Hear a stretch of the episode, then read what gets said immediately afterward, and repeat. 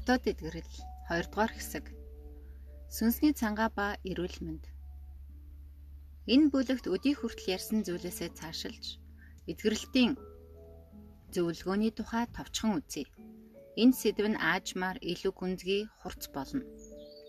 Дахин хэлэхэд энэ номын зорилго нь зүрх сэтгэлийн шарахтай хүмүүст эмчилгээний замыг нээн харуулах бөгөөд шархан эмчлэгдсэн хүмүүс шархалж үтсэн хүнийхээ хувьд бусдад үр дүнтэй тусалж чадна гэдгийг сануулахын тулд юм. Юуны төрөнд эхлээд өөрийн сэтгэлийн шархаа амжилуулсан хүмүүс бусдыг ангааж гэр бүл цуглааныг сэргээн босгож цаашлан энэ газар дэлхий дээр Тэнгэрийн улсыг бий болгох хэрэгтэй.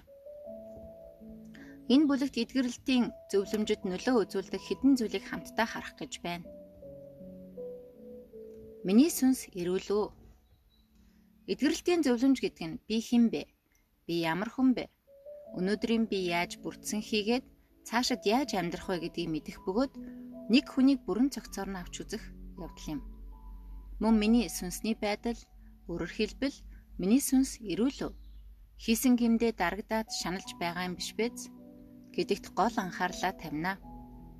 Жишээлбэл байнгын муу мухай зүйлд орооцолдон амьдардаг хүний сүнс үргэлж хийсэн гимдээ дарамтлагдан шаналдаг гэсэн үг.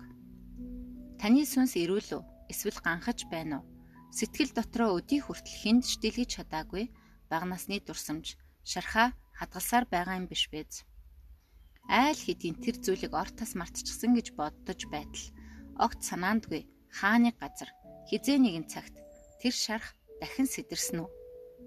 Одоо ч гэсэн ямар нэгэн өнгөрсөн зүйлдээ өөрийгөө буруутхан уйлж байна уу? Хэрв таны сүнс хийсэн гимдээ шаналан гасалж, ёолж байгаа бол бүх зүйл чинь ганхах болно. Үүний тухай нэг жишээ яриа. Олон жилийн өмнө Сөүл хотын нэгэн цуглааны пастор дарангуйлын засгийн газрыг эсэргүүцэж байгаад эрх баригчдын хараанд өртжээ. Засгийн газраас тэр пастрын цуглаанд 3 нууц туршуулыг итгэгчийн дүрээр оруулсан байна.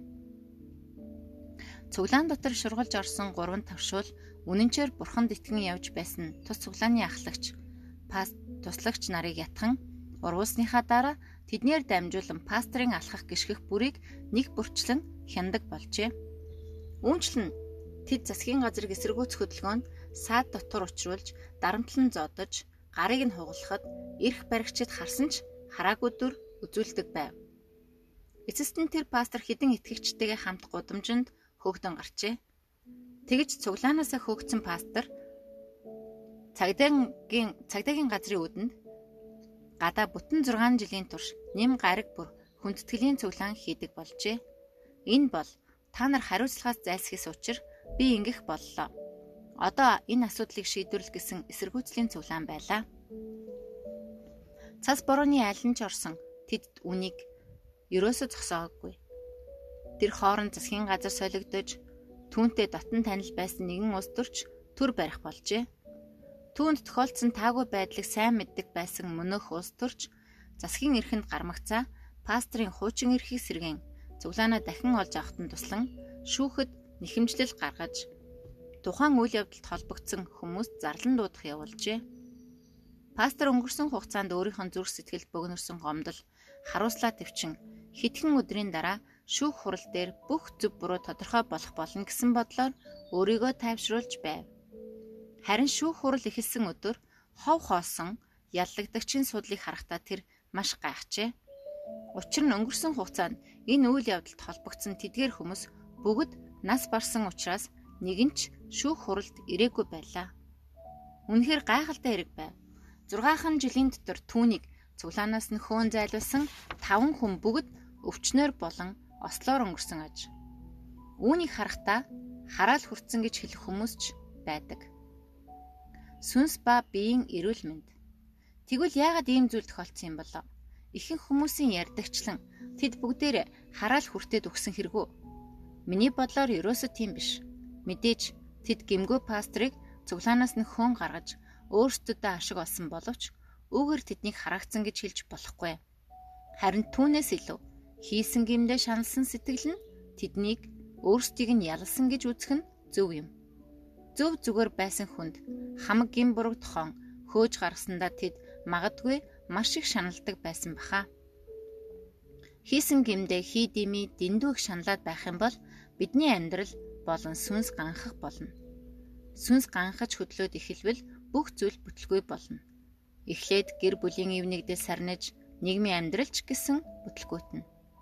Үргэлж сэтгэл тавгүй учраас ямар ч ажилд анхаарлаа төвлөрүүлж чадахгүй.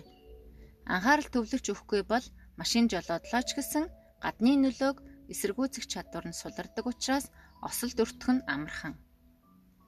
Ингиж сэтгэл нь өвчлсөн хүн ямар нэгэн байдлаар хурдан үхэл рүүгээ тэмүүлдэг ажээ.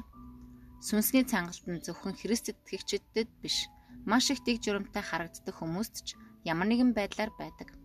Энэ бол бодит хэрэгцээ шаардлага буюу хизээ нэгэн цагт үхэх хувтай амьдралын утга учирыг эрэлхийлэн илүү гүнзгийгээр өөрийгөө таньж мэдэх гэж тэмүүлсэн бүх хүнд байдаг мэдрэмж юм. Энэ шаардлага заримдаа дарагдах үеч байдаг. Гэхдээ ноцтойгоор үлсэж цангасан энэ хүсэл маань зөвхөн сүнс, итгэл, гүн ухааны хоолоор л дүүргэгдэж чаддаг аж. Боддоор оршиж буй энэ өсөглөнг сайтар дүүргэн цатгаж байж сүнс сэтгэл санаа түнчлэн бие махбод эрүүл саруул байх болно. Гэтэл дэлхий дээр амьдралыг нухчин дардаг шашнууд халдвар 40 мэд өргөн тархаж байна. Сүнсээрээ маш их цангасан хүмүүс сүнс сэтгэл санаа биеийнхээ эрүүл мэндийг сүйтгэх арга замаар цангаагаа тайлах гэж буруу алхам хийх нь хялбар байдаг.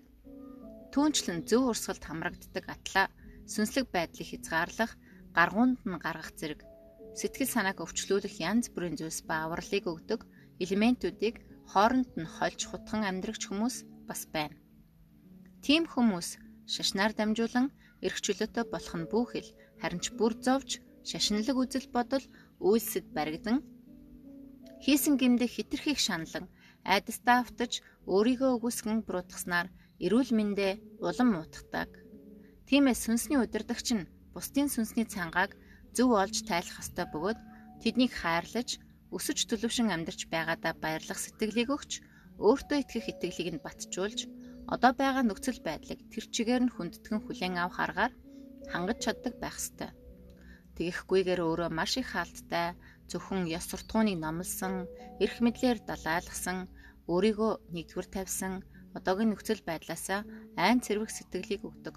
Гэмдээ шаналх сэтгэлийг нь илүү нэмэгдүүлэх аргаар итгэгчдийн сүнсний цангааг тайлах гэдэг удирдахч байгаа бол тэр эрүүл мэндийг сүйтгэж буруу урсгалаас ялгахдахгүй юм.